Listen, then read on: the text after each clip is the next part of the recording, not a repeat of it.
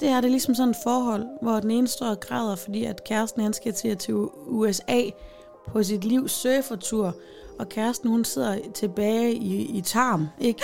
Og det, det er mig, der sidder tilbage i tarm, ikke? Du skal ud nu. Du skal ud og have luft under vingerne.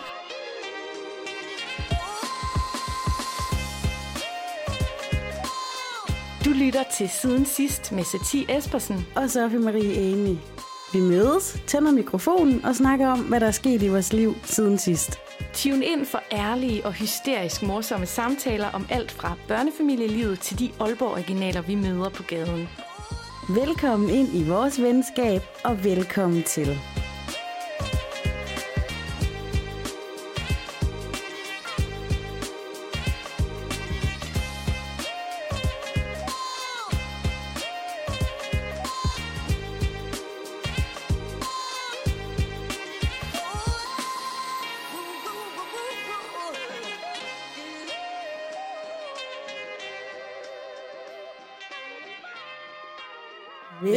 Velkommen til Siden Sidst.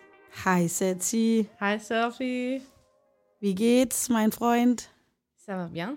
Très bien. Okay, du tager den på fransk, jeg tager den på tysk. Jeg går ud fra, at det var fransk, Og så går vi hjem og tager den på svensk. hvis du forstår sådan en lille en. Jeg er helt klart bedst til tysk, faktisk. Jeg er meget jeg har dårlig aldrig til. nogensinde haft tysk. Jeg har kun haft fransk i folkeskolen.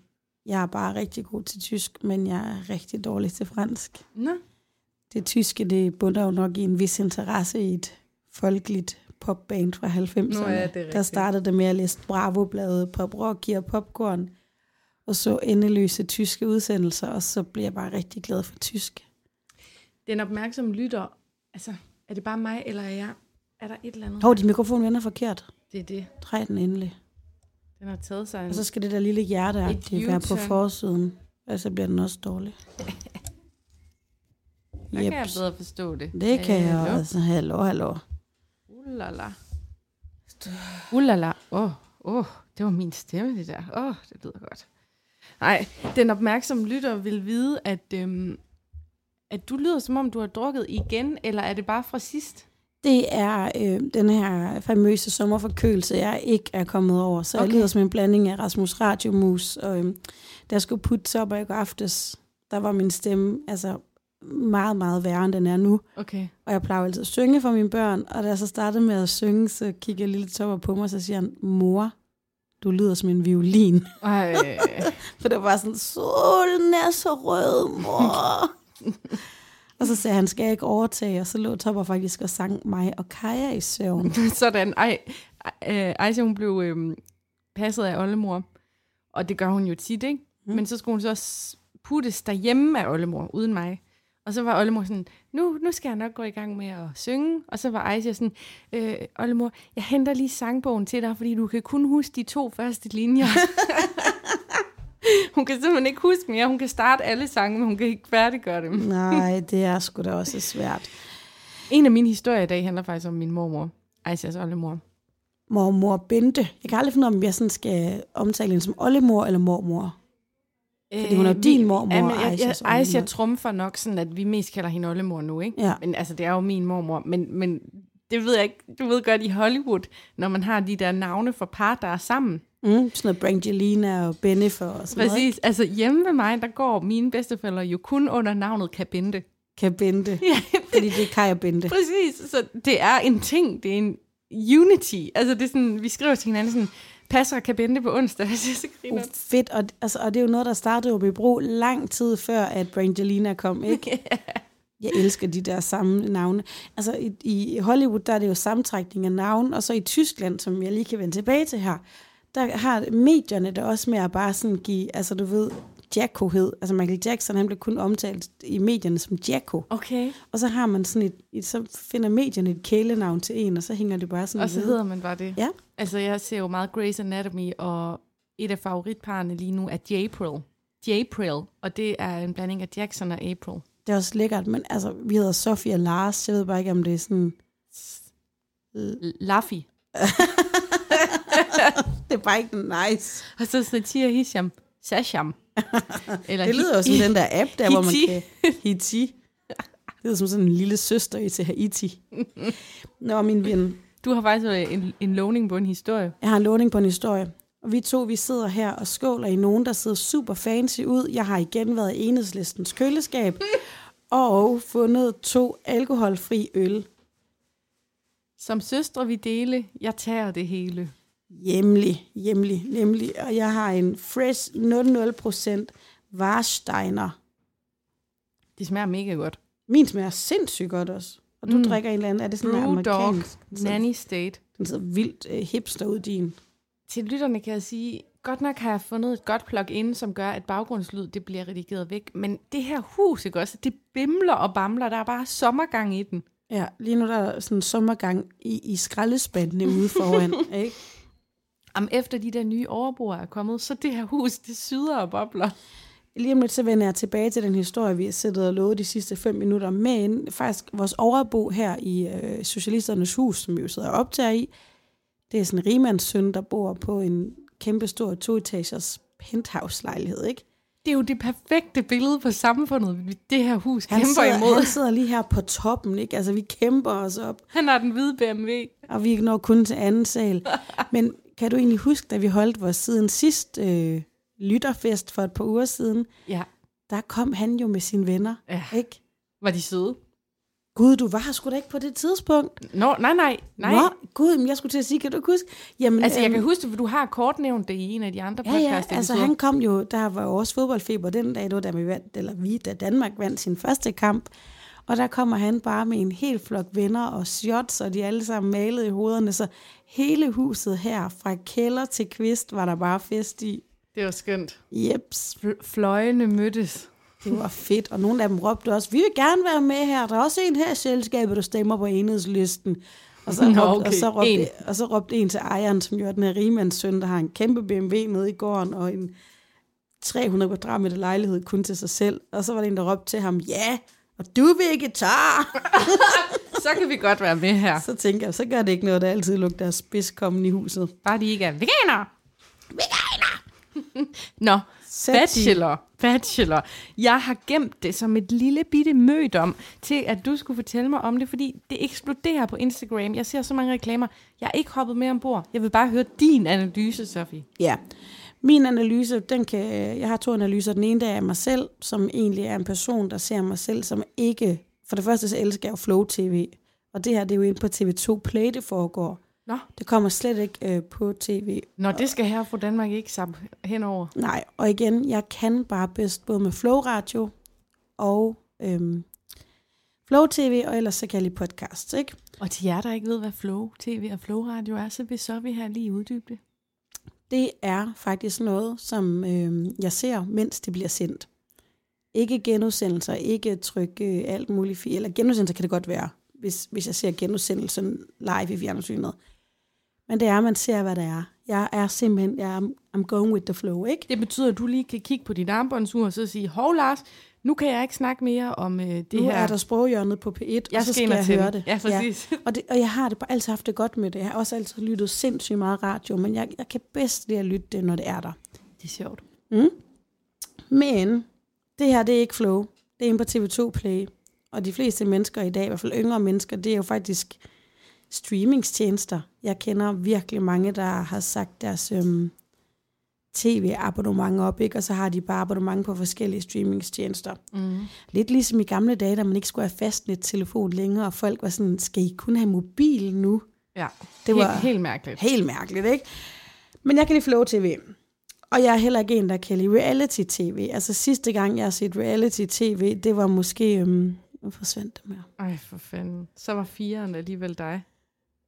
Jeg troede, det var mig. Vi har lidt teknisk udfald i studiet. Kode 3, kode 3. Du, hvis du bare snakker videre, for så kan jeg ikke fikse mit Nej, problem. men okay, men jeg, jeg skruede lidt lavt ned lige nu. Sådan. Tusind Kan du tak. skrue mig en lille tand mere op? Ja, det kan jeg da i hvert fald, Åh, som man god. siger. Åh, åh, åh, åh, jeg kan høre mig Højere selv. op, højere op. Jeg kan høre mig selv.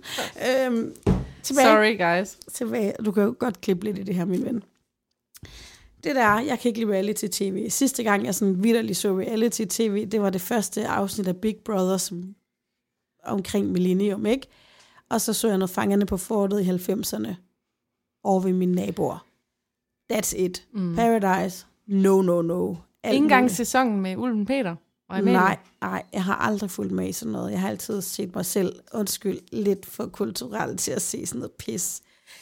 Men jeg er røget i bachelorfilmen, og Okay. til dem, der ikke ved det, så er det et amerikansk koncept, der har kørt i mange år i Amerika, som er kommet til Danmark, og det handler om en mand og en hel masse kvinder, der alle sammen skal kæmpe sig gennem den ene efter den anden date til at blive udvalgt af ham her bacheloren. Altså, jeg taber simpelthen... Kuglepinden er bare Spænding, ikke? spænding, fordi det lyder så gammeldags, det, det der. og, det er, og det er jo også det, de får høvl i medierne lige nu, ikke for nogen siger, at det er ikke tidssvarende, det er simpelthen, altså, hvad nu det for noget, men jeg er faldet i med begge ben og helt op til navlen. Og hvor mange Muligvis episoder med to er vi lange ude i? bryster også faldt i, i suppedasen, fordi, øhm, og det bliver sendt hver uge, tirsdag, onsdag og torsdag. Jamen, hvor mange episoder kan der være i sådan et show? Der kan være mange, Fordi... fordi rigtigt? Og så slutter det altid hver torsdag med en roseceremoni. Altså de to øh, f- forudgående udsendelser, der ser man de dater, og det er alle mulige sådan dates, hvor de skal ud og stå på vandski, eller en romantisk date i skoven, eller en gåtur. Der er sådan forskellige former for dates. Nogle er mere intense end andre. Øhm, og så sidst på ugen, som så om torsdagen, som undskyld, jeg lyder lidt som Paul Køller på, øh, på EPO eller et eller andet, fordi jeg er meget forkølet. Så den sidste uge, der står alle kvinderne legnet op med et glas champagne og flotte, flotte kjoler.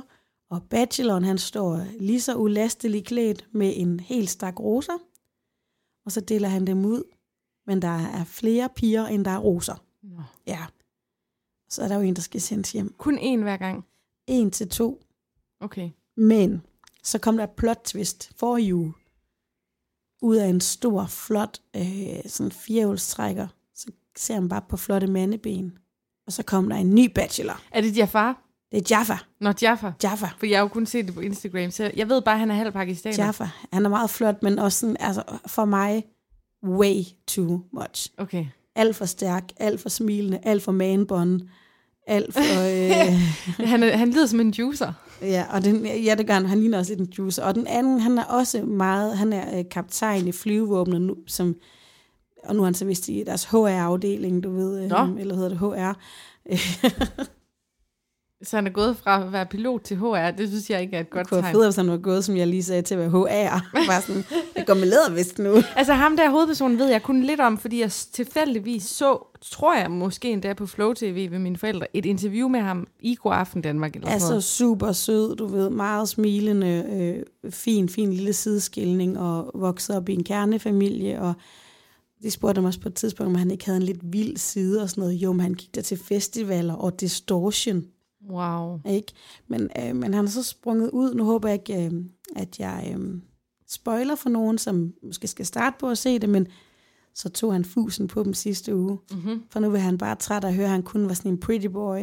Mm-hmm. Så sagde han, piger, om et kvarter, så ses vi inde i huset.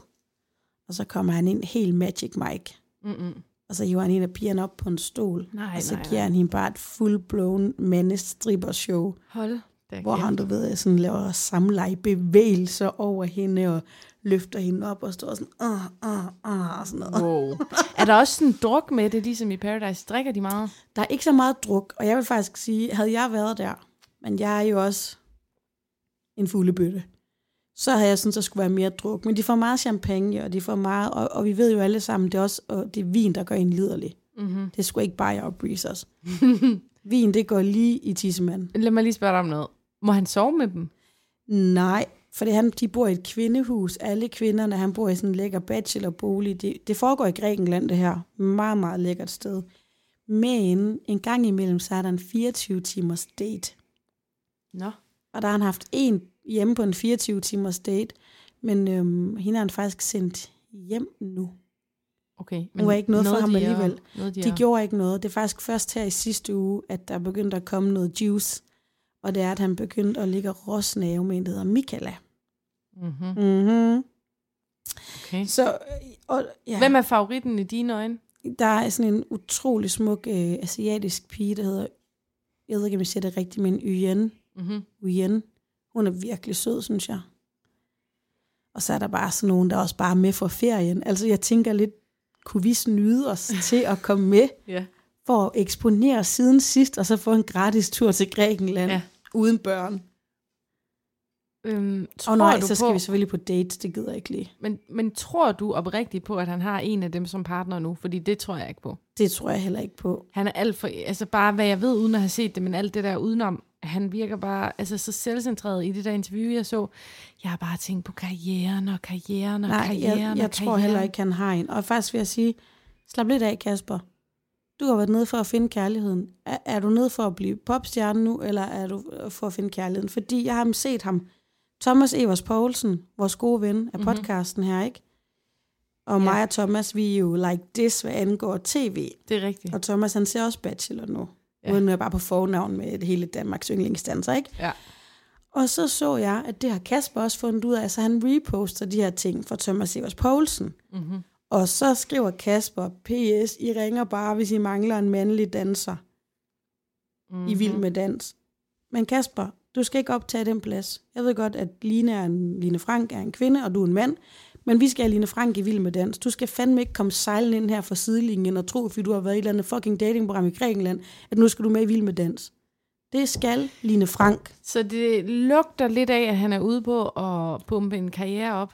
Jeg har set skærmen. ham i går aften Danmark. Mm-hmm. Jeg har, altså, Så han, altså hvis han gerne vil med i Vild med Dans, så ligger han nok ikke og hygge, hygger med sin nye kæreste på sofaen og så, ser det Netflix. der, så, så, så klinger det bare lidt hult med, at den næste kvinde, han skal finde, det er hans sidste Mm-hmm. kærlighed, ikke? Og han vil gerne stifte familie og sådan noget. Fordi jeg kan godt sige, da jeg mødte Lars mand, og var head over heels, og begyndte at kunne mærke, at nu skulle vi stifte en familie og sådan noget. Der havde jeg bare ikke god aften Danmark i tankerne. Præcis. Ej, han er ude på et soloshow, ham der. Jeg er oddson lige nu 200 kroner på, at han ikke ender med nogen. Jeg tror, han ender med helt klart at døbe snabelen i en af dem. Er han ikke for pæn en fyr til at gøre det? Nej, for jeg så, hvor voldsom han alligevel var under hans stripshow. Og så den måde, han sådan begynder... Kender du? Jeg kan næsten bedre lide nogen, der bare er fuldblåen lider, Karl. Jeg gider ikke sådan noget med at sådan sidde og kigge dem lidt i øjnene og abe dem lidt på låret. Jeg kan bare se, at han bliver liderlig af det. Øh, Du ved, men det er sådan lidt... Jeg synes jo bare... Han er jo for Aarhus, ikke? Sådan. Jeg synes bare, der er noget kemi. Og sidder han sådan lidt... Jeg, jeg kan bare mærke øh, noget kemi mellem os, og det er jo så vigtigt. Og han er så rolig, men jeg kan bare se indeni, der galopperer han stiller bare afsted med 300 km i timen. Jeg får lyst til at anbefale en podcast, som en af mine bekendte har lavet, som hedder Mega Lækker Kemi, hvor de øh, faktisk Åh. følger den uge for uge, den der serie. Ej, den skal jeg så meget høre. Ja. Og jeg siger bare, ligesom Kasper, der byder sig til i Vild med Dans, hvis I har brug for en, der godt vil og snakke bachelor i, hvad hedder den, Mega Lækker Kemi. mega lækker kemi, så hedder jeg jo Sofie Marie Amy på Instagram. Nå, nok om bachelor. Bang! det var skiller indtil videre. Den er ikke så god, men den er der. Jeg lovede jo også en historie Ja. sidste episode, som vi ikke nåede. Øhm, lad mig lige tænke først, fordi var der ikke mere, jeg også skulle sige fra den legeplads? Jo, det var der. Faktisk så har jeg lavet historien om til et, lille afslutningstema, fordi vi, vi, øh, vi har to nætter tilbage i Aalborg. Så nu får du lige de sidste to historier fra Æble legepladsen. Oh. Okay? Tak. Øhm, den ene, den skete i dag. Øhm, Aisha har fået for vane, at hun er for doven til at gå op og tisse på sit eget toilet, når det er, at vi er nede på legepladsen. Og hver gang, bor jo også ret højt over ved, det, det, det gider hun ikke. Så vi har fundet sådan en lille hundehjørne for alle hundene, og så Aisha, hvor hun kan tisse, ikke også? Så jeg, jeg tror, jeg har stået sådan 25 gange og holdt hende i skovskiderstilling, og så skulle hun tisse. Det er fint nok. Jeg tager det røg og de blikke, der er for de andre forældre. Men i dag, ikke også, så hang hun i skovskiderstilling og sådan, mor, jeg skal tisse.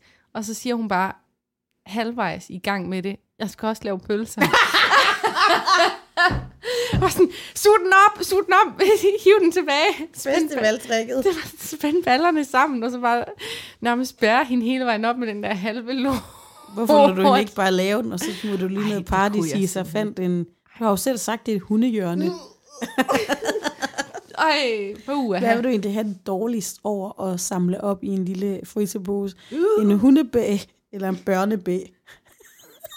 Og jeg, jeg, får, jeg ved ikke, det er en eller anden reaktion med at få våde hænder og vand i munden, når du siger Jamen ærligt, lige sådan en børnebæ. Altså, og I taler ikke om en Jamen, jeg tror med min erfaring fra blæer, jamen jeg vælger stadig, jeg vil ikke hunden. Jeg vil ikke hunden. Fordi hunden, den er, forestiller jeg mig, uden at være dyreven, den er fyldt med mider, og den har Nej slikket dog. pindsvin, og den har alt muligt, der er Ej. klamt i dens afføring. I det mindste, så ved jeg, at den varme afføring, jeg har i hånden, der har jeg selv, jeg har ligesom selv puttet det mad ned i det afføring Ja, okay. gennem barnet. Men hvad vil du så helst tage? En stor børnebæ eller en lille pomeranielort? Jeg ved ikke, hvad pomerania lort Bare er. sådan en lille bitte hund. Altså bare en mikrohund. Vil du helst have sådan en lille hund, eller sådan en lille lort, der bare ligner en afklippet cigar? eller en stor børnebæ? Hvis jeg må få lov til at tage den afklippede cigar med en grillhandske, så tager jeg den. Og skal du høre den næste? Meget gerne. Den er ikke lige så sjov, vil jeg sige. Øhm, der er et børnepar, et søskende par, som hænger meget ud. Hvad laver du, bedstemor? Gang i? Lige, der gik Olsen-banditten. Og undskyld, Den, ja, hvem er det, der ryger sådan der? Det er i hvert fald ikke mig. Nej, men ja, ham du tænker på var Egon Olsen. skide. Det ikke? undskyld, undskyld, Nej, det er helt i orden. Ved godt, altså det, vi er op til her om aftenen i dag, og det er sådan, vi bliver altså lidt for fjollet, når det er om aftenen, ikke? Jo. Godt. Videre til legepladsen. Du skal lige komme op med et drengenavn med A. Øhm. Ahmed. Nej, men det kan du ikke, for han er lille, hvid, blond. Okay, er du sådan en, der siger, at en lille hvid blond dreng ikke hedder Ahmed? Adam. Okay, Adam, og hvad med et pigenavn med A? Astrid. Godt. Det er fordi, jeg vil ikke sige de rigtige navne på de her børn, men de hedder noget med A. Godt. Det er en pige på 11 år, og så er det en dreng på 6 år.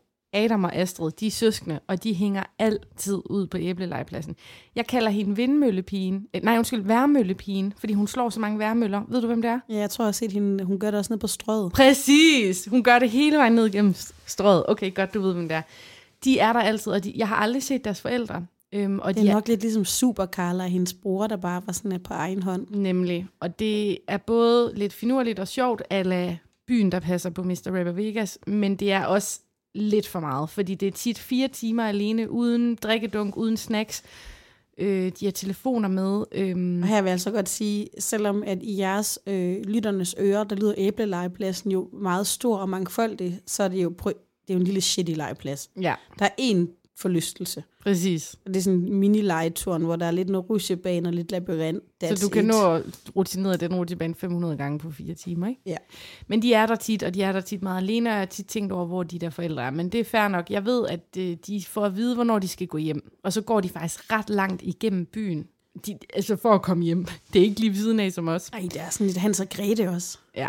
Men det er, hvad det er. Øhm, de leger sig helt vildt meget med Aisha. De har, sådan, de har fundet nogle øh, gryder. Der ligger nogle gryder i en pose, ikke også? Bare sådan nogle helt normale gryder. så mærkeligt. Og så Aisha har nogle nudler med.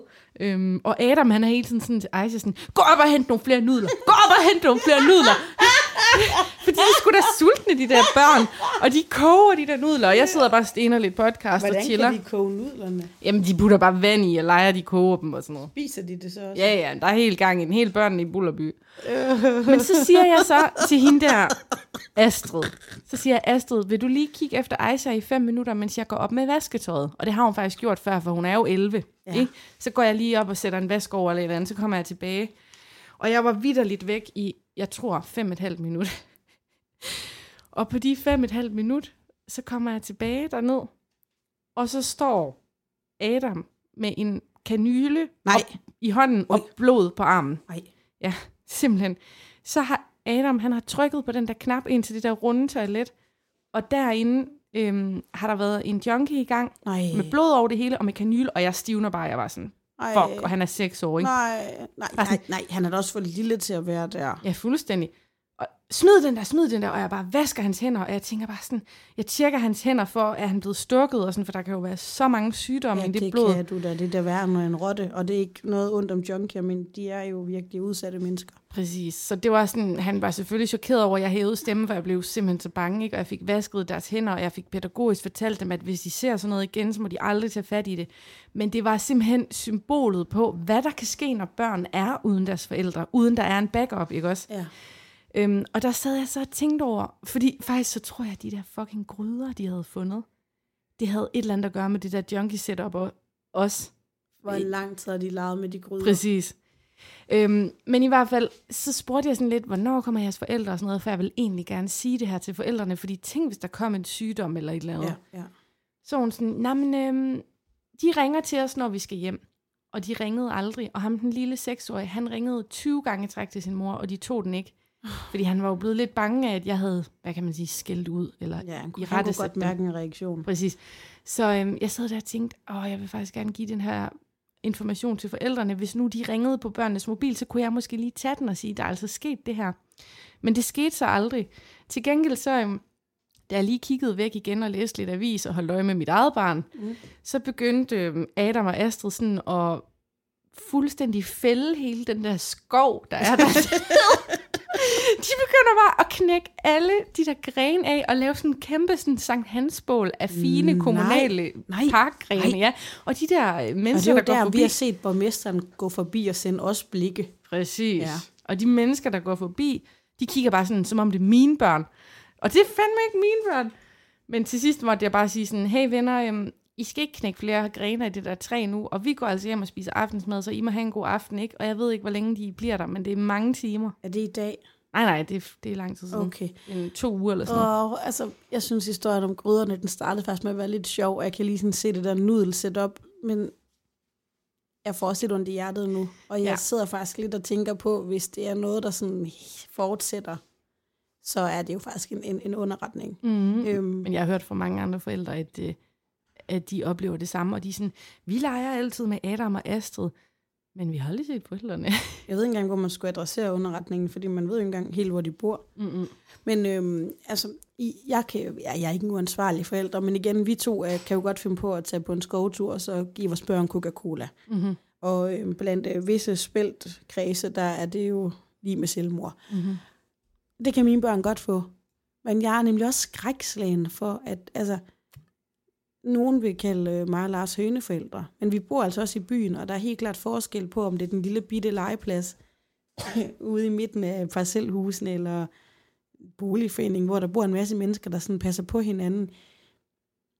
Jeg kan ikke engang lige Bertram gå alene rundt i byen, og han er lige blevet 13 år, men han bor også to steder, så han er ikke, ikke som sådan et barn af byen. Og der er altså mange specielle mennesker på gaderne, ja. Og der ligger øh, flere uhensigtsmæssige ting rundt omkring. Altså jeg må bare sige, at den oplevelse, den lærte mig, altså for jeg gik jo fra Aisha i fem minutter, man havde en aftale om med hende der, den store vi, ikke? Mm. Det kunne jo have været Aisha, der fandt den. Det skræmte mig, at der kan ske ulykker med børn, for deres hjerner er simpelthen bare ikke store nok. Ved Nej, du, hvad jeg nej, mener? nej. De, de, de går bare all in. Ja. Og hvis der ikke er nogen forældre til, prøv at tænke på, hvis jeg ikke var kommet tilbage, og de havde leget videre med den kanyle. Ja, de er ude at lege læge. eller Altså i et eller andet. princippet har jeg reddet deres børn for noget, fordi de ikke selv var der. Ved du, hvad jeg mener? Og de ved ikke engang, jeg har gjort det. Ved de du, ved ikke, de har, altså ikke, fordi du skal sige det til mig her for open mic, men ved du sådan, hvor de går i skole Nej, henne? overhovedet eller? ikke. Det ved jeg ikke. Jeg ved bare, hun har sagt, hun har skiftet skole mange gange, og jeg har været sådan lidt... mm, Okay, så man har ved. en formodning om. Ja. Nå, jeg må, jeg må simpelthen tage kaptajnkasketten på, når du rejser, og så må jeg jo patruljere lidt på æblelegepladsen. Du er simpelthen den nye gårdvagt.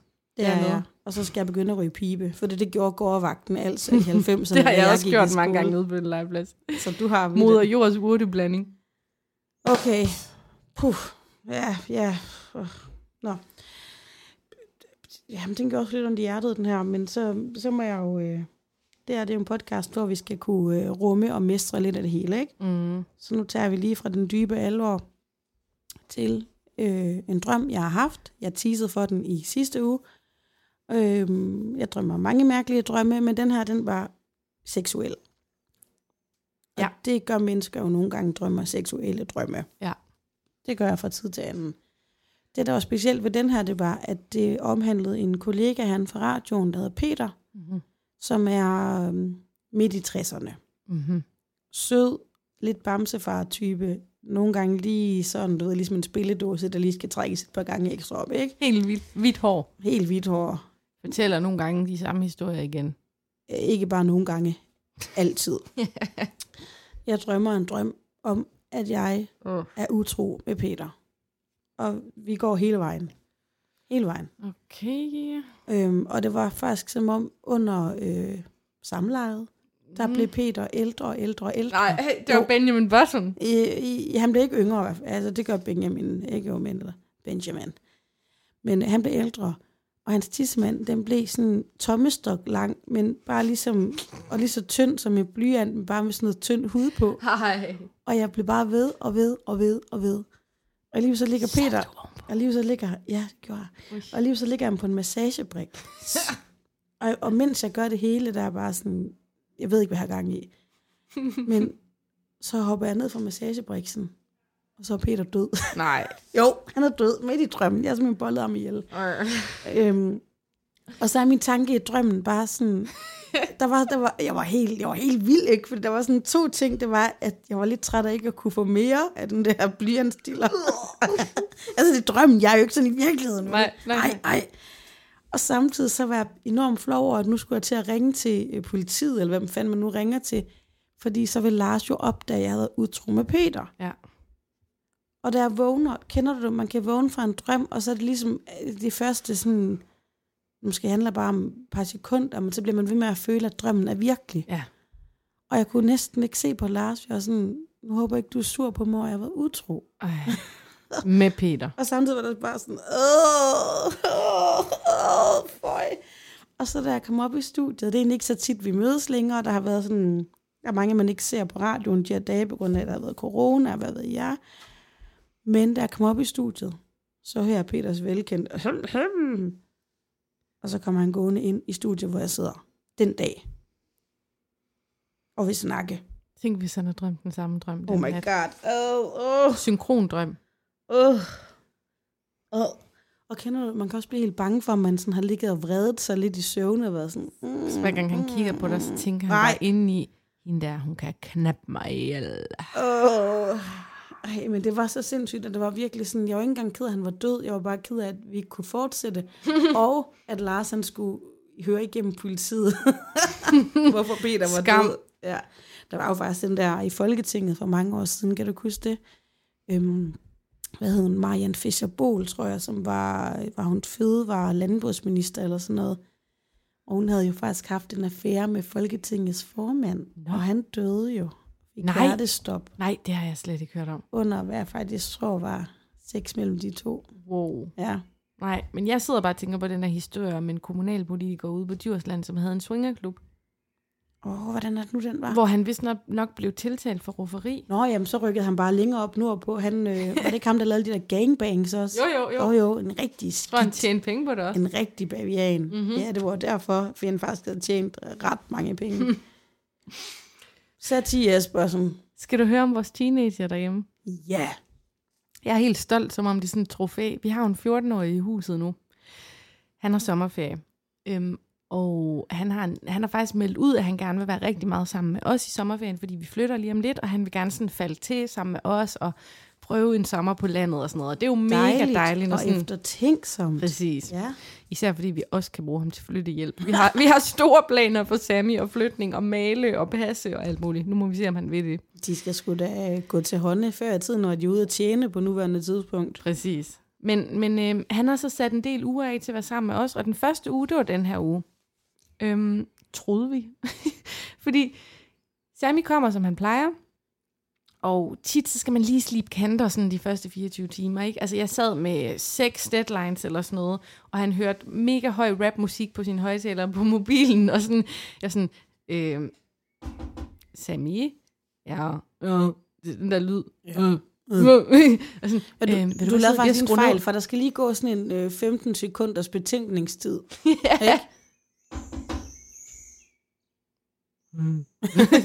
øh, nå, men så vil han så gerne skrue lidt ned, og så fem minutter efter, så ryger det op igen, ikke? Og sådan, vil du godt please være sød at skrue ned? Og sådan, det var fint nok, vi slip lige kanter, som vi plejede, men jeg hørte en masse om den nye skole, og planer for ferien, og alt var godt, troede jeg. Og jeg var også sådan begyndt at komme op i teenage-gear, sådan købe toastbrød, ost, skinke, sætte toasteren frem, øh, alt det der. se. Hvad vil du gerne have, jeg køber? Og det hele bare bonusmor gone wild. Ja. Og så er han der i 24 timer, han skal være der en uge. Og så kommer jeg hjem dagen efter, og så er han bare væk. Så er han der bare ikke. Og så er Hisham sådan, ja, så vil han have taget hjem igen. så er han bare taget til Aarhus, ned til nogle venner, sådan, far må jeg ikke godt skride. Øh, jo, ja. tak for nu. jeg var fandme overrasket. Det er, øh, vi har jo også hjemme ved os på samme vilkår en, der er fyldt 13 for ganske nylig. Og det er sindssygt, fordi i helt vildt mange år har de været børn. Jeg ved godt, der er forskel på at være 4 og 7 og 10, øh, sågar 11. Men det er sådan stadigvæk inde i den her store, brede kategori af at være et barn. Ikke? Altså for få år siden samlede Bersen på Bakugan. Og... Men det er bare gået så stærkt med både den der med latenstiden, der er enormt lang lige nu. Sådan, Bersen, kommer du ikke med? Jo. Og så igen, sådan to minutter efter Bertram. Altså det, det svarer faktisk lidt til den toårige, der heller ikke gør, hvad jeg bliver hende om, ikke? Ja. Og det er bare, og det er netop sådan, og man skal lige sådan fange dem, når de er et godt flow for at ville snakke og sådan noget. Det er jo også virkelig dejligt, men jeg tror også, det er fordi, at selvom at, øh, og det oplever nok alle med teenager, men lige nu, hvor man er i den der, hvor de nogle gange er der og ikke er der, altså meget af tiden, der er meget Lars jo en småbørnsfamilie, og der har vi sådan indrettet vores liv og, og hjerne efter det, og når Bertman så sådan kommer valsende, og igen, det er mega dejligt, men vi skal lige sådan omstille på en eller anden måde, og man vil også gerne være imødekommende, og det kan godt være, det, at han ankommer den dag, hvor man vidderligt bare ikke har flere batterier i, i sit livs lommelygte, ikke? Og, øhm, og så kan det faktisk godt være lidt hårdt, synes jeg, at være skab, fordi man vil bare gerne være sådan, hej, vi har glædet os til, du kommer, og netop have de rigtige toastbrød og isten, og være gearet til at sige nej til energidrik og alt muligt, ikke? men uh, jeg synes faktisk, det er lidt svært. Ja, og så, for, og så det nye for mig, det er så at få den der koldklud i hovedet med, Nå, men hvis I ikke er fede, så skrider jeg bare. Det er bare ja. total afregning ved kasse 1, som jeg slet ikke er vant til, men det er jo klart, at han har da sin frihed, hvis han skal noget med vennerne. Altså. og det er sommerferie, men det er lidt ligesom katte, ikke? Altså, de er sådan meget søde, og de vil gerne kløs lidt bag ørerne, indtil de ikke gider mere, eller lige finder en anden baggård, hvor der er fedt.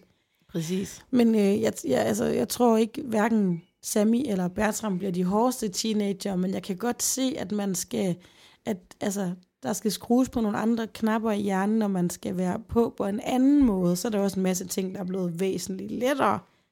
Ja. Men øhm, Vi elsker jer bonussønner, sønner. og man, de er kun til låns, ikke? Altså børn. Vi er klar på de næste fem års rejse ind i teenage-tiden. Det er, jo, det er jo det, der er så vildt. Altså, en baby er en baby i et år. Mm. Og der snakker man om, det er en fase, det er en fase. Mm. En teenager er en teenager i 5-6 år. Ja, men forhåbentlig. Altså, jeg havde jo en kæreste, jeg var rigtig meget hjemme ved, eller så var han rigtig meget hjemme ved mig. Tænk så alle de pauser, min mor og Michael har fået, fordi jeg har været sammen med Martin. Præcis. Hvor man lige en, en pause. Ja, wow. Sati Ja. Espersen. Yes. Min ven. Jeg har faktisk ikke så mange historier på mit program i dag, så jeg vil bare gerne være med til at drive din næste rigtig god historie frem. Men den handler jo om min mormor. Den handler om Bentepigen. Ja. Jeg har opnået noget, som jeg ikke har opnået før. Øhm, og det er at være kreativ med min mormor. Sagen er den, der har lige været 80 års fødselsdag op ved Kabente i Åbibro. Min oldefar, nej, min morfar fyldt år. Tillykke, Kai. til Lykkekaj. Øhm, og de ville ligesom selv lave hele setup'et, så der skulle telte i haven, og de har bestilt mad, og de fine tallerkener frem, og alt det der. Det var nu en rimelig nede på jorden fest. Havde I sølvtøj? Det er jo noget, Slet du har ikke. fortalt mig om. Slet ikke, det er kun til jul. Kun til jul. Men det skulle jeg så hjælpe med. Og det er jo noget af det, der er så fedt ved at være selvstændig nu, det er, at jeg kan hænge ud med dem en fredag og hjælpe med noget. Det har jeg jo ikke kunnet de sidste mange år, så det er virkelig en forandring, og den er fed. Men jeg var så bare ikke lige forberedt på, hvor meget min tålmodighed vil blive udfordret den fredag. Vi skal sidde og lave bordkort, så vi... Ah, det tager lige en tår øl på. Så jeg kommer til det hus, jeg elsker, og de mennesker, jeg elsker deroppe. Og så ligger der bare karton, og der ligger paljetter, og der ligger klistermærker og sakse. Uh, og, det lyder allerede som noget, jeg elsker. oh my God, og, og sakse med sådan nogle mærkelige figurer, så det bliver sådan klippet specielt. Og, sådan. Og så skal jeg sidde, altså, fordi hun er sådan, vi starter lige med den her opgave først, og så skal du sætte telter op, og du skal støvsuge og alt muligt fedt. Men at starte med den opgave, og så sidde og så blive trukket ned i, i krægehjørnet i to-tre timer.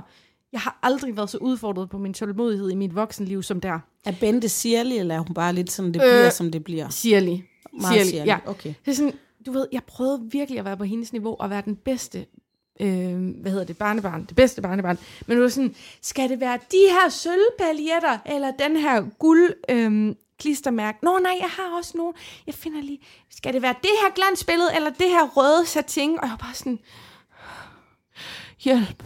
Altså, der kan jeg godt sige, Hjælp! der er, jeg, der er jeg på Team Binde. Oh my god. Hvis du skal hjem og lave bordkort ved mig, Aldrig så, så, kører vi, så kører vi samme setup. Nej, nej, nej, nej, nej, nej. Jeg, jeg vidste ikke, jeg blev virkelig konfronteret med mig selv der.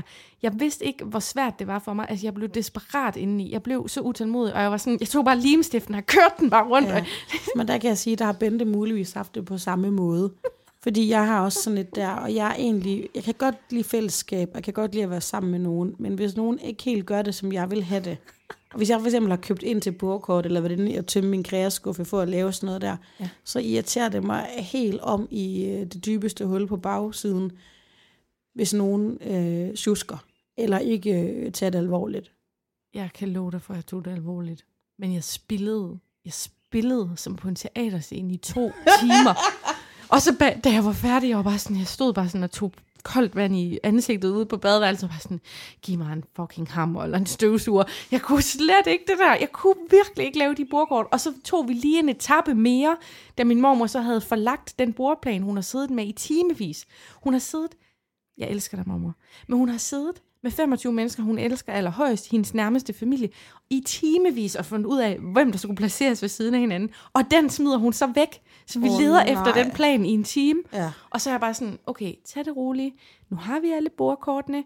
Vi sætter dem langsomt op og ser, om det her fungerer. Jeg tænkte, det kan vi gøre på 5 minutter. Men Bente skulle have planen. præcis. Altså, der var sådan 90 mennesker med til mit bryllup, og der brugte jeg også lang tid på bordplanen, og alle de håndlavede keramiske bordkort. Præcis. Ja. Næste gang, så sender jeg dig. Jamen, jeg Men- vil elske at sidde med Bente der, hvis vi så kan høre lidt lækkert øh, dansk top Vi, vi, hørte, vi hørte Dansk Top playlisten imens. Altså, jeg var fra vores til, fest. til den fest, jeg var til i fredags, der ledte vi desperat efter din dansk top playliste, men det eneste, vi kom ind på, det var sådan noget Candice og sådan noget lort. Og, øh, og Christina, hun var bare sådan, den sati havde, den var bare så Præcis. god. Jeg finder den lige, så Og vi var inde og prøve at lede på Spotify. Jeg kunne ikke finde den. Jeg bare ved med at komme til sådan noget Bjørn Tissemann og Candice. Den hedder Dansk Top, du kender. Mm. Den hedder Dansk Top, du kender, lytter, og den starter i dag, for det, den skifter nemlig. I dag starter den med den her.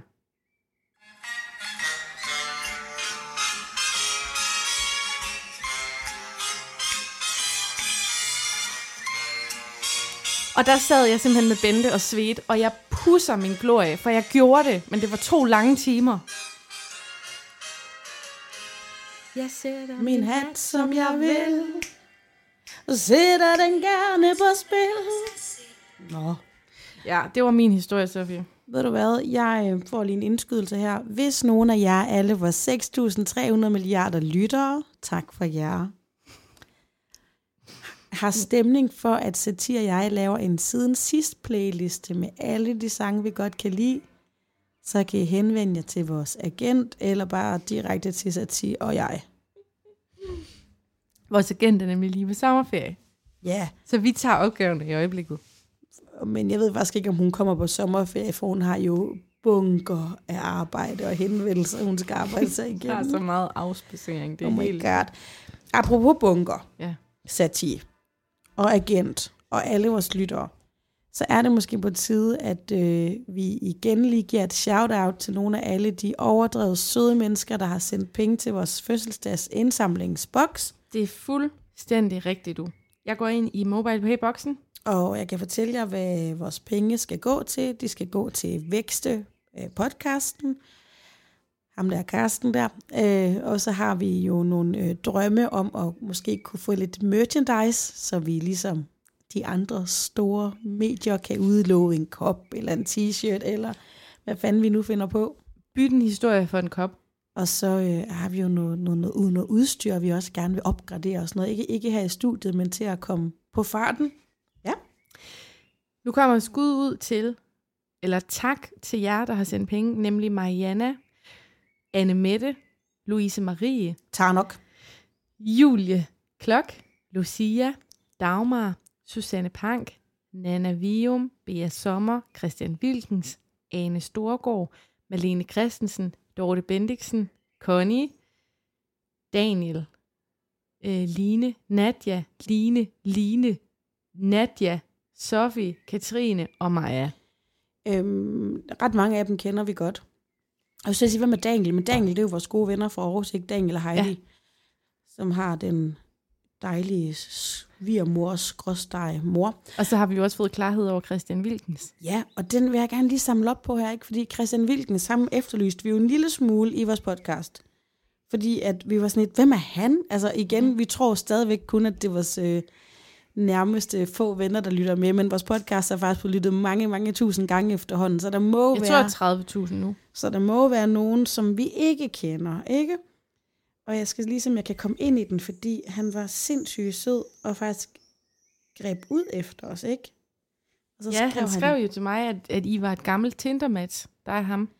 Ja, han er jo en af dem, der har været øh, min seksuelle drøm gange mange. Ej, det er gas, det gas. Det er slet ikke rigtigt, Det er jeg faktisk siger. sådan ret meget fuldstændig gæst, det du siger lige nu. Men Christian, han skriver faktisk tilbage. Jeg kan ikke godt tillade mig at læse hans besked. Hej Satire Sofie. Jo, jeg lytter dig med. Jeg fandt jeres podcast for omkring en måned siden. Jeg har hørt alle afsnit på cirka 10 dage. Sådan. Fucking godt, Christian, ikke? Det er sådan noget, der gør os glade. Jeg går og hører podcast hver dag på mit arbejde. Sikke en masse gode grin, man får. Og når man lytter med, glæder mig til nye afsnit hver onsdag. God aften til jer. Kærlig hilsen, Christian Wilkens. Det er fantastisk. Shit, jeg blev glad, da jeg læste den der. Hvis det var Facebook-gruppe, så ville du få et top badge, top fan badge. Og det er jo også, altså, altså vi havde jo også øh, vores gode veninde fra Aarhus, Camilla Pejdersen, ikke, som jo også både er min private veninde, men også vores podcast veninde. Og hun, altså, altså, hun er også en af dem, der skal have den der lille nål, ikke sådan jubilæumsnål. Ja. Øh, men, øh, men Christian, øh, hvis du stadig lytter med, det er vildt dejligt, at du gør det, og tusind tak også for dit bidrag. Prøv at overveje, der er folk, der har måske lyttet med i to år, og så kan det være, der er nogen, der har lyttet med i to uger, Ja. og nogen, der lige er kommet med i dag. Jeg får stadigvæk, altså jeg har jo fået øh, en, en rigtig god veninde i børnehaven, Anna Stina. Hende er sådan tryg med at lytte med nu. Men har jeg sagt det med, at der var en pædagog derovre, Nej. der lytter med? Nej, nej, nej, nej, nej, jo, nej, det, nej. Det, jo, jo, det var der. Det var søde Kode Laura. 3, kode 3. Det var søde Laura øh, en dag, der så siger til mig sådan, helt med sit øh, engleagtige glade ansigt, jeg har begyndt at lytte din podcast. Og så sidder jeg sådan lidt mærkelig ud i ansigtet, og, og får fremstammet sådan, tak. og så siger hun sådan, den er god, og jeg sidder igen ret mærkeligt ud i ansigtet, og det bemærker hun, så siger hun, den er virkelig god. Og så siger jeg, mm, tak Laura, men det er jo, det er bare fordi, den er sådan lidt mm, ufiltreret. og jeg siger jo heldigvis aldrig noget om øh, pædagogerne, det er der heller ikke anledning til, fordi jeg er glad for hver en. Men det er mere det, igen, for eksempel sexdrømmen om Peter, ikke? Øh, hvor mange andre fra børnehaven lytter med, og er der nogle af forældrene, som jeg egentlig ikke er sådan på særlig talefod med, der måske lytter med, det kan jeg godt sådan få lidt pres over. Ja. Men hej Laura, Hej Laura, og tak fordi du er her. tak fordi du er så god ved, ved Kaja Rose. Jeg har altså allerede bundet den øl, du havde med til os. De er sgu alkoholfri, mm. ikke? Det er skønt, men jeg havde jo faktisk en snack med, men jeg ved ikke, om du prøver mm. At putte den i skammekrogen, men jeg har jo bagt. Nej, nej, nej, nej, det var faktisk fordi, jeg ville gemme den, så at jeg kunne... Øhm... Vi har jo ikke rigtig nogen snacks med i dag, Kun den der. ved den opmærksomme lytter. Men det har vi jo, fordi du kom, da vi mødtes, med to mega fine cupcakes. Mm-hmm. Det er, det er den rigtige lille cupcakes i den flotteste farve, og en øh, glasur ovenpå, eller hvad nu det hedder, sådan en creme. Frosting. Frosting, det er det, det hedder. Og så små, er det hest- eller enhjørningehoveder? Små lyserøde enhjørningehoveder. Ja. Jeg elsker cupcakes. Og jeg vil bare lige love dig, at Aisha har vasket fingrene rigtig godt, inden hun hjalp mig med at bage. Godt. Så du skal ikke øh, tænke på bussemænd og sådan I noget. mange år har jeg jo sådan, der nægtet at spise ting, som børn har bagt. Jeg kan love dig for, at jeg har falkeblik på hende, for det må ikke være klamt, når jeg bager med hende. det kan jeg ikke klare. Som bussemandsboller. Havregrynskugler fra lille Thea altså, på træ. Topper, han er jo så ordentlig og virkelig, virkelig en meget fornuftig lille fyr. Så han må godt være med i køkkenet. Kaja Rose, hun er stadig så lille, så hun får sin egen gryde med sådan lidt ting, jeg bare finder i skabet, så tror hun, hun er med. Hun må ikke røre det med, vi andre spiser. Nej, det, det, det, man ved ikke, hvor hendes fingre har været sidst. Den er rigtig god, den her satie. Nå, det er jeg glad for. Tak, og, og jeg ved, at du har lidt- anstrengt forhold til at bage. Ja, altså, nogen får sådan, du ved, tømmermænds blues, du ved, Mm. de får en blå dag, efter de har drukket. Mm. Sådan har jeg det, efter jeg har bagt. og det er ikke løgn. Jeg bager, og jeg gør det for Aisha, fordi hun er så vild med den store bagedyst og sådan noget. Mm. Og når jeg står og kigger på de kager, som i dag, som jeg tager ud af ovnen, jeg føler mig tom ind i. Fordi Den smager faktisk virkelig godt, den her. så mange spørgsmål kommer op i mit hoved. Skal de ned i en plastikpose? Kan jeg putte dem over i den der brødkurv? Skal jeg putte dem i fryseren? Ej, jeg ringer til min mormor. Altså, jeg ved ikke en Det er jo super fis. vigtigt, at den der rest, du har fra ovnen, den tager du ud bagefter, og så lader du øh, dit bagværk køle af på resten. Ja. Fordi at hvis den står bare nede på en plade, så kommer der jo sådan kondens. Okay. Ja. Ja, så lige de have lov skal have lidt af. luft. Så lad den køle af, og, så, øh, og hvis du har behov for at lægge den i en pose, så vent med at lukke posen. Mm. Ja. Før dampen er forduftet. Ja, det er jo ligesom det, der, når man sætter sølvpapir over mad, ikke? så ender du med at regne ned på det. ja. Simpelthen ikke gøre på Vi kunne varme. godt lave sådan en special udsendelse med husmorråd. Det har vi jo gjort lidt før. Senere skal vi da have på en quickie en dag. Mm-hmm. Mm. Jeg ved godt, der går lidt ekstra tid i dag, men helt ærligt venner, det er også sidste gang, at vi... Nej, ikke sidste gang, men det er sidste gang, mens jeg har adresse i Aalborg, at vi optager i det her studie sammen. Mm. Nu går der to dage, før jeg flytter. Mm. Og det er nogle lidt em- emotionelle dage. Altså, Sofie, jeg har grædt måske 12 gange spontant. Bare sådan ved mærkelige ting, sådan, når jeg hører kirkeklokkerne, eller laver min playliste til Jularte, sådan forskellige ting, sådan, så tager jeg lige en tudetur, ikke også? Så vi må godt blive lidt længere i dag, det er det, jeg prøver at sige. Altså, Den følelse, jeg har inde i min krop over, at Satie, hun skal um, rejse. Jeg, jeg kan faktisk godt indrømme, efter vi optog sammen forleden dag, der fik jeg også lige en ordentlig hyletur over vindueskarmen, ikke? Jeg har den følelse inde i min krop, som når man sidder til en begravelse, og så starter Kim Larsens helvedes sang om lidt. Bliver stille, ja. om lidt er det forbi. Det er jo en forfærdelig sang, Kim Larsen. Jeg er dig, og jeg elsker dig, og jeg synes, det er forfærdeligt, du er død. Men det var simpelthen ikke okay at skrive den sang. En tårperser af en pis-sang. Helt ærligt. For fanden, Kim. ja. Og det er den følelse, jeg har, når jeg tænker på din flytning. Og venner, lad mig cementere med verdens stærkeste cement. Podcasten forsvinder ikke. Den bliver faktisk kun bedre. Det er ikke noget med det at gøre. Overhovedet ikke. Det er slet Ja. ikke det, der er på vores lystavle. Det, der står og dinger med store blinkende bukser på vores lystavle, det er, at vi ikke lige mødes spontant nede i byen længere. At jeg ikke ser dit barn løbe med sit smukke ansigt hen og strøget. At vi ikke kan sidde på æblelegepladsen og pulse. Og det er også fordi, du er meget sej. Du, endda, du, du gør mig sejere. What? Jamen, det gør du. Jeg har været din accessory hele tiden. Du er sådan en, der gør mig modigere, fordi du tør helt vildt mange ting. Og det er jo så nok her, nogen tror, at jeg tør alt muligt, fordi jeg er stor i munden. Men jeg er faktisk en bangebuks. Ikke? Jeg er en mega bangebuks. Og du er sådan en, der, når vi skal spurgt om et eller andet, eller øh, vi skal hen et eller andet sted, hvor vi ikke ved, om vi må være eller et eller andet, så er du bare, du tør alt, mand. Okay. Det synes jeg, du gør. Ej, tusind tak. Så du har gjort mig meget modigere, og hvordan fileren skal jeg stå på min 37-årige ben alene her nu, Mm. det kan jeg simpelthen ikke overskue. Nej, det er vir- virkelig også mærkeligt. Jeg føler, det er surrealistisk. Altså, jeg føler vidderligt, at jeg næsten ikke kan se ud af mine egne øjne i de her dage, fordi det er bare surrealistisk. Jeg, jeg fatter ikke det her, før vi er flyttet. Mm-mm. Og, og det er mærkeligt. Og den ene, på den ene side er jeg jo sindssygt glad, fordi, eller jeg er meget glad, fordi du skal flytte.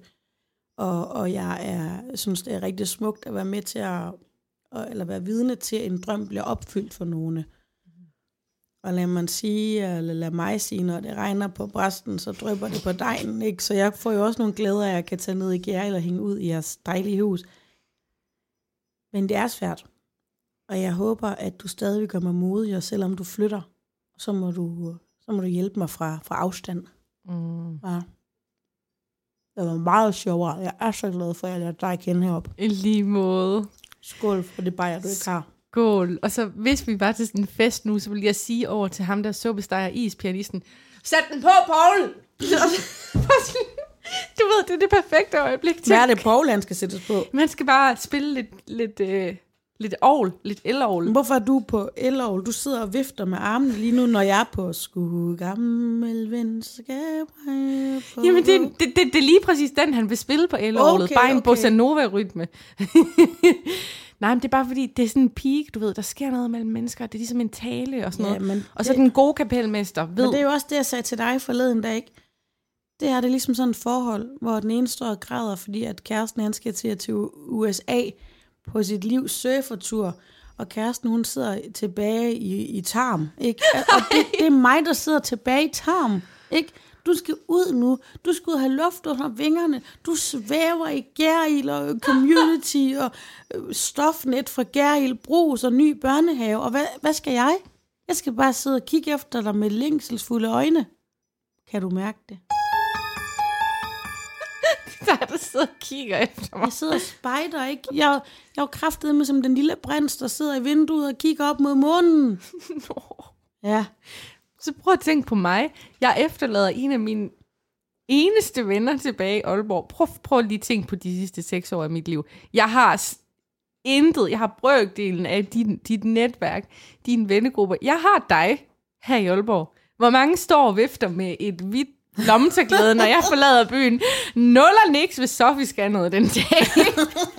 det skal også hårdt for mig at rive gulvtæppet væk under mig selv. Det er dig, der er mit netværk. Nå ja, okay. Tak fordi du lige uh, hiver mig lidt op der. Kan det godt være, at jeg får nogle nye naboer med plæneklipper og vorse og villa, men altså, det er vidderligt dig, jeg har brugt min tid på de sidste mange år, så det er også mega hårdt. Men jeg er bare, jeg kan ikke, jeg kan ikke, jeg kan ikke mærke det, når jeg snakker om det, fordi det er surrealistisk. Jeg Ja. fatter det ikke. Nej, også, altså, udover det, så du også, altså, du skal flytte, du er blevet husejer, og så bliver du også 30, det har jeg jo været i længe, ikke? Altså, Ja. ja. kommer du op i samme liga som mor her? Ja. Så kommer vi i det samme årti. Ja, det kan vi lige være i to og et halvt år endnu. Mm-hmm. Så er du 40. Stop. Hvis vi ikke ligesom hiver om lidt, bliver stille endnu længere ud. altså. Men er du klar til at høre min aller sidste historie? Ja, For det har faktisk været en ret dramatisk dag i dag. okay. Det har været sådan en dag, som føles som om det har været tre dage på en dag. Mm. Kender du det? Det kender jeg rigtig nogle godt. meget lange dage. Ja. Godt nok har vi lange sommernetter lige nu, og klokken er halv 10 om aftenen, og det er stadig lyst, som om det var morgen.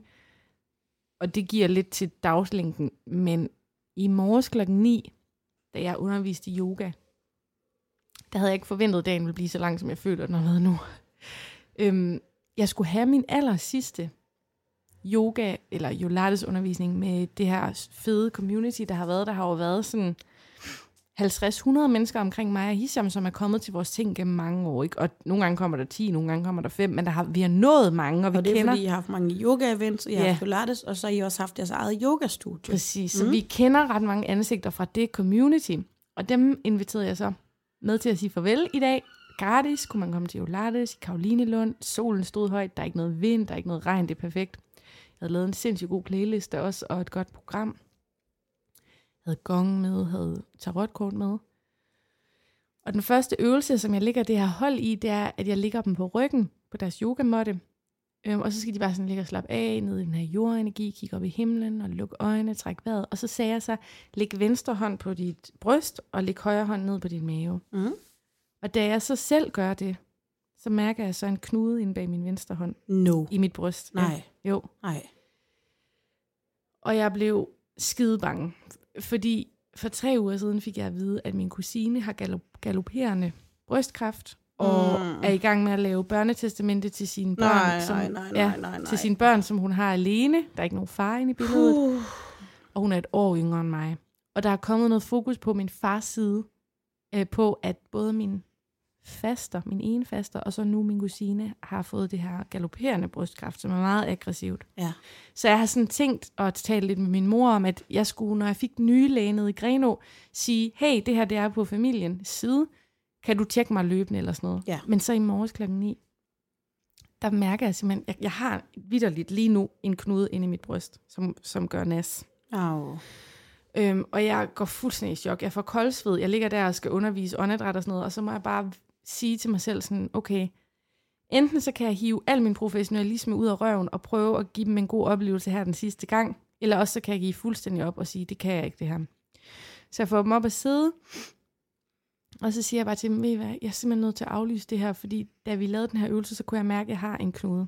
Ej, hvor er hvor trist. Det var så træls. Og så en, der Ej, hedder er Birgitte. jeg ked af, at du har siddet i det. Ja, så en, der hedder Birgitte, hun, som jeg kender, som jeg faktisk også tror lytter med her. Øhm, hun lige mærkede på den også. Jeg tror også godt, hun kunne mærke den. Og jeg var bare pisse bange.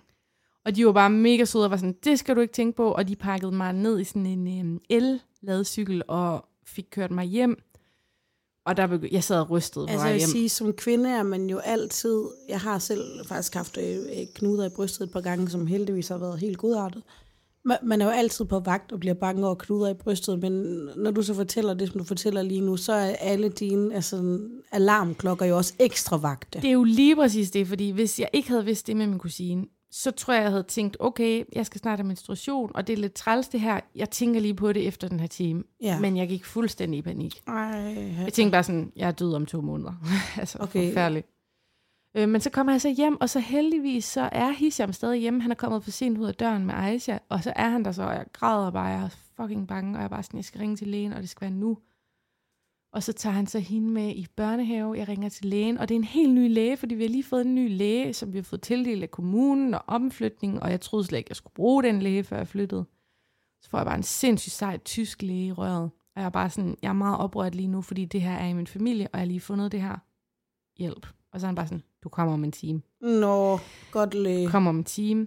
Hisham smider alt, hvad han har i hænderne af møder og sådan noget. Møder mig derud. Jeg, jeg går hele vejen derud på gåben. Det tager en time og 10 minutter, for det er ude i Sofiendal. Mm. Og du ved, på vejen, jeg gennemtænker seriøst hele mit liv. Jeg gennemtænker min kærlighed til Aisha. Øhm, jeg plukker nogle blomster og tænker over livets skønhed, og bare sådan, okay, tænk hvis jeg går hen og får en sindssyg besked nu, ikke? Ja. Og det er der jo mennesker, der Sy- gør. synkront med min kusine der. Altså grunden til, at jeg lige tager det så roligt lige nu, jeg kender faktisk ikke afslutningen på din historie, men, men du sidder jo lige her. Ja, Ikke? Ja. præcis. Ja.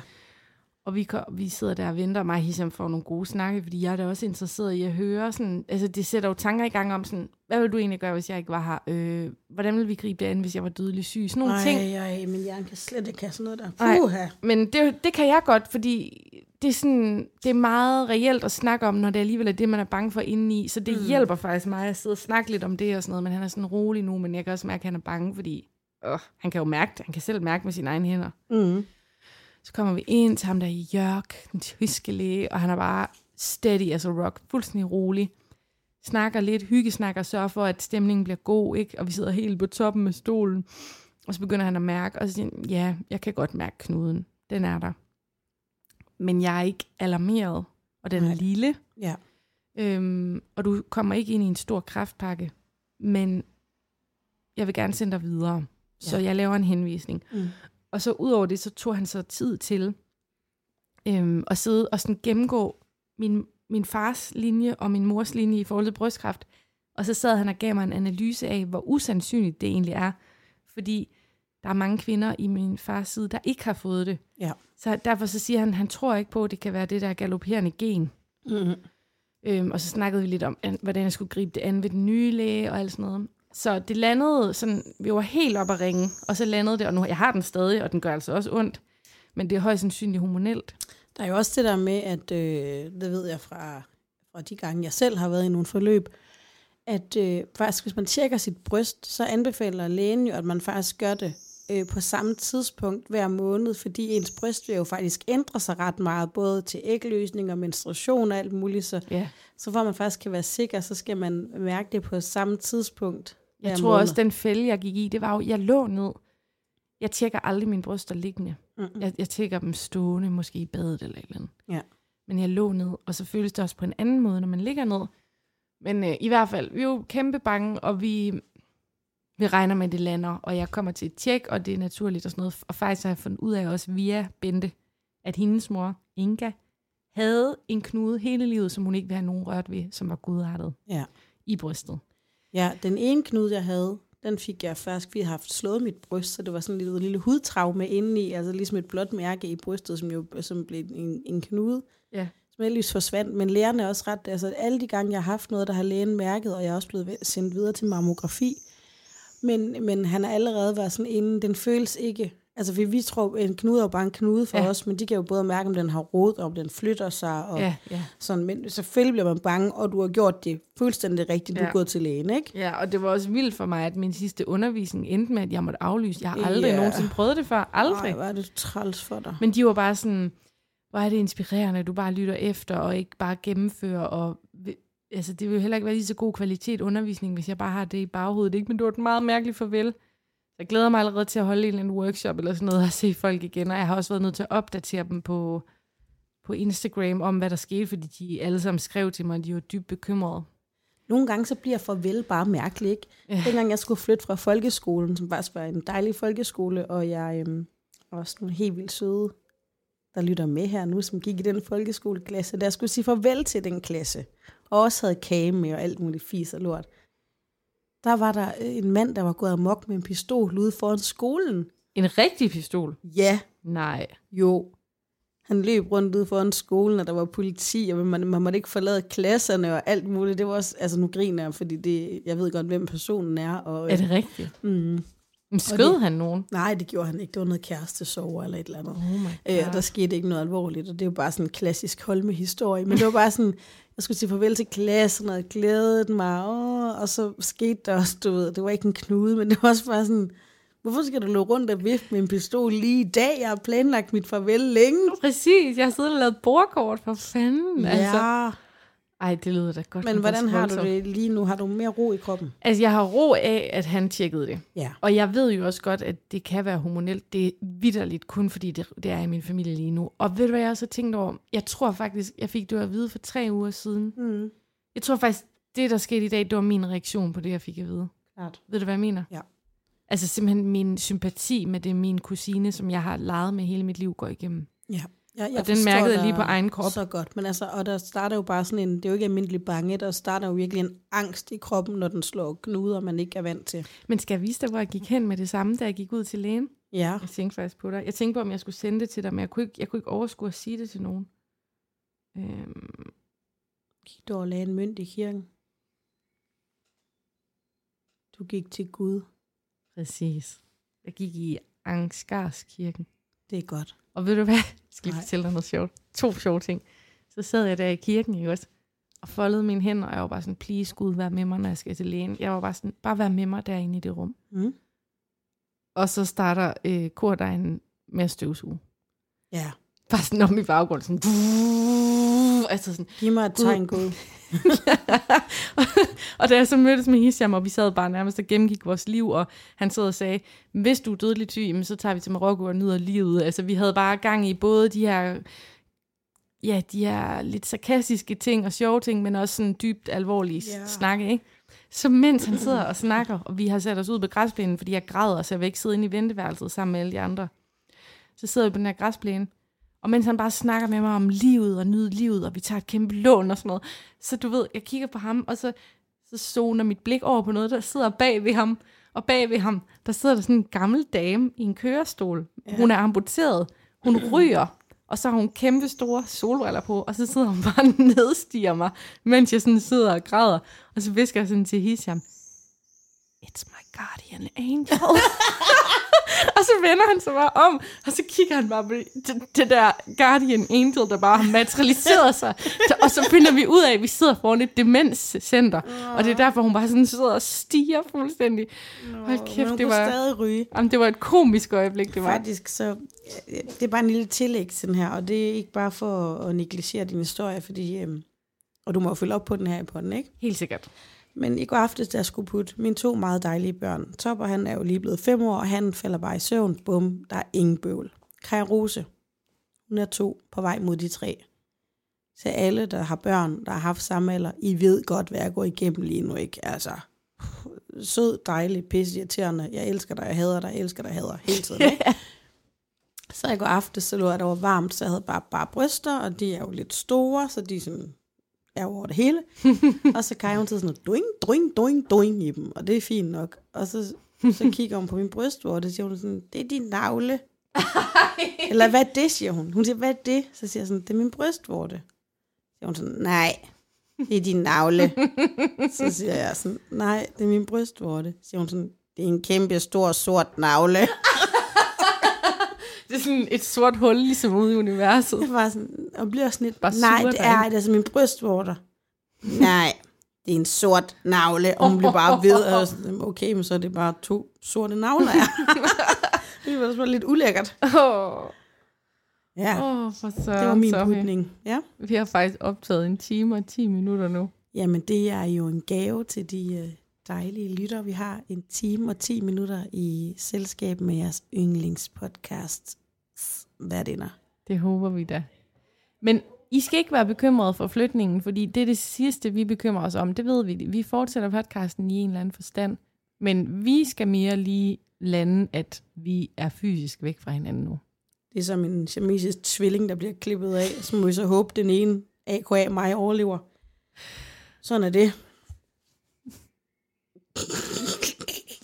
Nå, Åh, oh, ja. tak fordi I lytter med. Ja.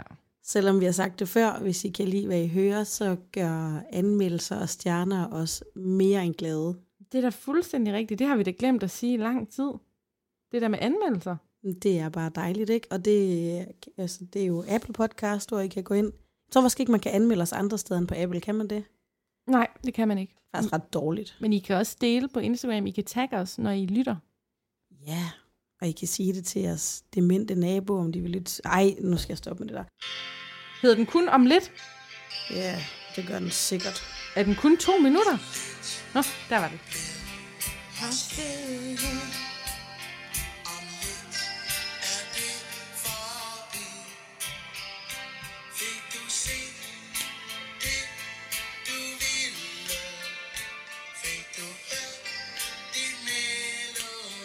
Nej, gjorde ej.